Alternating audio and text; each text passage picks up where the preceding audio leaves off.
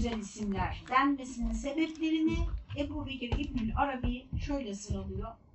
Bir, Esma-i Hüsna Allah hakkında yücelik ve aşkınlık ifade eder ve kullarda saygı hissi uyandırır. Yani tanıdıkça Rabbimize duyduğumuz hayranlık, saygı, onun kudreti karşısındaki acizlik hissimiz, aşkınlık o demek. Yani o kadar yüce, o kadar onun ne kadar yüce, ne kadar ulu olduğunu anlarız. İkincisi zikir ve duada kullanılmaları halinde kabule vesile olur. Onun için ezberliyoruz arkadaşlar, mümkün mertebe. Bir de Efendimizin bir hadis-i şerifi var. Ezberleyen ve sayan cennetliktir diyor Efendimiz. Buhari ve Müslim'de geçiyor arkadaşlar. Ama o hadiste bu sırayla sayılmıyor. Yani sadece şöyle diyor Efendimiz Buhari ve Müslim'de. Diyor ki Cenab-ı Hakk'ın 99 ismi vardır. Kim onları ezberler ve sayarsa cennetliktir. İhsa kelimesi geçiyor saymakla ilgili. Aynen Türkçedeki gibi onun da iki anlamı var. Bir devamlı saymak, bir de saygı duymak. Yani saymak Türkçedeki gibi Arapçada da iki anlamı da içeriyor. Yani hem Cenab-ı Hakk'ın o isimlerine saygı duymak, değer vermek hem de onları dilimizden düşürmemek. Ben daha daha çok demeyeyim de bunlara ilaveten bir de psikolojik açıdan bizi sağlıklı tuttuğuna inanıyorum Esma-i Hüsna'nın arkadaşlar. Çünkü işte az önce dediğim gibi yani düşünün şimdi Şafii Allah, Vehhab Allah, Fettah Allah, zorlukları gideren, işte yaratan, rızık veren Allah ve bu alanlardan birinde senin bir problemin varsa yani ne yapacaksın ki ya? Ne yapacaksın yani? Oradaki o teslimiyeti, o böyle panik olmama. Çünkü bu hangi durum için geçerli? Değiştiremeyeceğimiz, değiştiremeyeceğimiz koşullar için müthiş bir, işte şimdi onu söylüyor, kalplere huzur ve sükun verir, lütuf ve rahmet ümidi telkin eder. Bilginin değeri, bilinenin değerine bağlı bulunduğu ve bilinenlerin en şereflisi de Allah olduğu için Esma-i Hüsna bilgisine sahip olanlara bu bilgi meziyet ve şeref kazandırır. Esma-i Hüsna Allah için vacip, caiz ve mümkini olan sıfatları içermesi sebebiyle onun hakkında yeterli ve doğru bilgi edinmemize imkan verir. Onu da en başta söyledim. Yani bir varlığı, birisini, bir zatı bu kadar detaylı tanıdığımız zaman artık onun hakkında hiç kimse bizi yanıltamaz. Hatta şunu örnek veririm hep. Mesela bazen arada oluyor yani ben 30 sene oldu bu göreve başlayalı arkadaşlar. 30 senedir dinleyen var. Şimdi 30 senedir dinleyen biri mesela bundan epey bir sene önce birisi benim vaazıma geldi. Dedi ki ay dedi bugün dedi iyi ki buraya gelmişim hocam dedi. Sizin hakkınızda dedi dediler ki kızların okumasına karşıymış Fatma Bayram Hoca dediler. Ben dedi ya gideyim bakayım dinleyeyim yani ne diyor bu hoca hanım diye geldim dedi. İyi ki gelmişim dedi hiç öyle biri değilsiniz falan. Şimdi birisi bir dese ki mesela Fatma Bayram kızların okumasına karşı tanıyorsanız dersiniz yok canım yani yok canım dersiniz. Ama tanımıyorsanız birine o yüzden arkadaşlar bakın çok acıklı bir şeydir. Bu sadece tabii Esma-i Hüsna'yla da olmaz. Dersimiz Esma-i Hüsna olduğu için oraya odaklandık ama arkadaşlar ne inkar eden Allah'ın ne dediğini biliyor ne iman eden. Bak düşünün ne inkar eden okuyor Kur'an-ı Kerim'i, tefsirini, işte peygamberin hayatını. Ne iman eden? İman edenlere soruyorsunuz bir kısmı peygamberimizin kabrini bile Kabe'nin içinde zannediyor. Yani hiçbir fikri yok. Hiçbir bilgisi yok. Ne zaman yaşamış, ne yapmış, nasıl başarmış, nasıl bir karakteri varmış. Mesela bak ben size söyleyeyim. Peygamber Efendimizin Şemail'ini mutlaka okumasın. Efendim şu Şemail, Ali Yardım'ın Şemail kitabını mutlaka okuyun. Peygamber Efendimiz arkadaşlar 15-20 kişiyle birlikte otururken sallallahu aleyhi ve sellem dışarıdan giren biri hanginiz Muhammed diyor. Efendim, Efendimiz sallallahu aleyhi ve sellemin mesela bu özelliğini bilirsen he, o zaman böyle abuk subuk konuşan, abuk subuk karizmatik böyle giyinen, böyle bir yere girdiğinde çıktığında fırtına gibi esen falan birilerini seni etkileyemez artık. Çünkü biliyorsun ki Allah ona değer vermiyor. Yani artık onu bilirsin. Tanımak çok son derece önemlidir arkadaşlar. Allah neyden razı? Allah neyi seviyor, neyi sevmiyor, bizden neyi istiyor? Bizde ne görmek istiyor? Yani peygamber nasıl bir insan? Onu seçti çünkü Allah peygamber olarak. Ve bize örnek olarak, şimdi ezberlediğim bölümde o var. لَقَدْ كَانَ لَكُمْ ف۪ي رَسُولِ اللّٰهِ اُسْوَةٌ حَسَنَةٌ لِمَنْ كَانَ يَرْجُ اللّٰهَ وَالْيَوْمَ الْآخِرِ İçinizden Allah'ı ve ahiret gününü kazanmak isteyenler, yani Allah'ın rızasını ve ahiret gününe böyle odaklanmış olanlar için Allah'ın Resulü en güzel örnektir. Kitap söylüyor yani. Şimdi böyle bir, bir örnek almamız için tanımamız gerekiyor. Dolayısıyla işte Esma-i Hüsna bize Rabbimizi tanıtıyor. Onun kitabı bize Rabbimizin bizden ne istediğini tanıtıyor. Bir yerde sordum dedim ki böyle çok tartışıyorlar din konusunda. Savaşmaktan bitap düştüm yani. Ondan sonra dedim ki ya dedim çok yorulduk dedim yani. Ben cevap veriyorum siz itiraz ediyorsunuz. Ben cevap veriyorum siz itiraz Biz dedim önce şuna karar verelim. Bir, siz dedim Allah var mı yani sizce? Allah'ın varlığına inanıyor musun? Çünkü Allah'ın varlığına inanmıyorsan faiz yasağını niye konuşuyoruz ki? Yani Allah yoksa kitabını niye konuşuyoruz ki yani? Var dediler. Ama dedim emin misiniz? Evet, evet dediler. Peki ikinci soru. Allah var ama benim ona ihtiyacım yok. Ben bu dünyada kendime yeterim. Deizm bu işte arkadaşlar. Çok teşekkür ederiz Tanrım. Harika bir evren yaratmışsın ama ben kendime yeterim. Aklım, bilgim, işte gücüm, kudretim benim burada baş ederim bu hayatla. Diyor musunuz?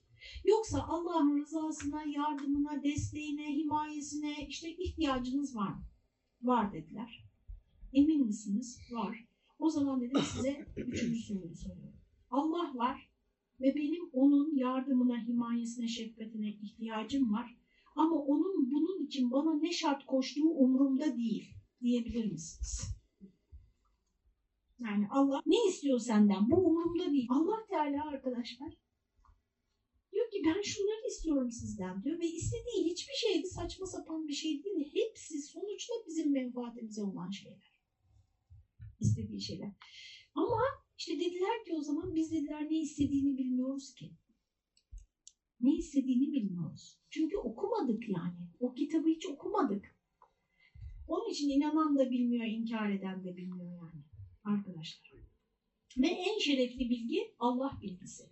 Şimdi bilgi edinmemize yardım ediyor bu isimler. Niye? Allah hakkında vacip, caiz ve mümteni olan sıfatları içeriyor. Vacip sıfat ne demek? Bu olmazsa Allah olmaz. Ne mesela? Yaratma arkadaşlar. Gençlerin çok sorduğu soru Allah beni neden yarattı? Bu evreni neden yarattı? Çok basit. Allah olduğu için. Allah olmanın zorunlu sonucu yaratmaktır. Çünkü Kur'an'da defalarca diyor ki sor onlara putları neler ne yaratmış. Yani bir tanrı varsa yaratılmış bir şey olması lazım. Bu şuna benziyor. Ben bu örneği verince ha evet diyorlar. Siz hiçbir tablosu olmayanlar ressam der misiniz? Birine ressam demeniz için ortada bir tablosu olması gerekir. Birine yazar diyebilmeniz için ortada bir kitabı olmasa bile makaleleri, bir şeyleri yazılmış bir metni olması gerekir. Birine terzi yani bütün biçmeyi biliyor, dikmeyi biliyor, en ufak detayları biliyor, işte her şeyi biliyor. Abiye dikiyor, bilmem ne dikiyor ama bir tane bile dikilmiş bir şey yok. Terzi der misiniz? İşte yaratıcıya Allah demek için de, yaratıcı demek için de senin yaratması onun, onun varlığının doğal sonucu yani. Vacip sıfat bu demek. Caiz sıfat ister yapar ister yapmaz. Yani seni ister patron yapar ister işçi köle. İster kadın ister erkek. Allah'ın sana bir şeyi vermesi vacip değildir. Senin istediğin şeyi. Caizdir. İster yapar ister yapmaz. Onun için işte orada da sen ne kadar ona teslimsin yani. Ondan gelene ne kadar razısın. O orası çok önemli. Mümteni de Allah hakkında asla düşünülmeyecek şey demek. Mesela Allah haksızlık etti. Tövbe estağfurullah bir takım fıkralar var arkadaşlar. İşte Allah bunu unutmuş, yorgun anına gelmiş, bilmem ne. Allah için asla söylenmeyecek şey.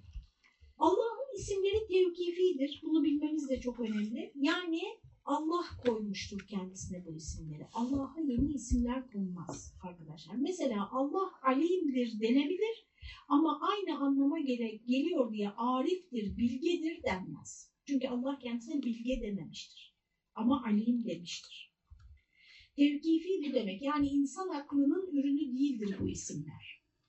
Doğrudan doğruya Allah'ın kendisine verdiği isimlerdir. İnsanlar çünkü bir şeye isim verirken kendi kimliklerinin etkisi altındadırlar. Kişinin kültürü, tecrübesi, görgüsü, kavrayışı, zekası eşyaya isim verirken kendisini gösterir. İnançları bile. Basit bir eşyaya isim verirken kusur yapan insan bütün kainatı yaratana isim verirken kendi kültür kalıbının içinde e, içine sıkışacaktır ve onunla yaratıcıyı tasvir edecektir. İşte o yüzden arkadaşlar şirk dinlerindeki bütün inançlar kusurludur ve eksiktir yani. Çünkü senin bakış açına kadar bir tanrı üretiyorsun. E, vakit bulursanız şart değil, bizim konumuzla da hiç ilgisi yok ama Seyit Kutub'un Yoldaki İşaretler kitabında okuyun arkadaşlar. Kült bir kitaptır o. Böyle bize bir pencere açar yani. Diyor ki mesela orada müşrikler diyor tanrılarını isimlendirirken tamamına dişi ismi verdiler. Tanrıların isimleri dişi isimler. Araplar için söylüyor. Niye? diyor. Halbuki kadını çok aşağılıyorlardı yani.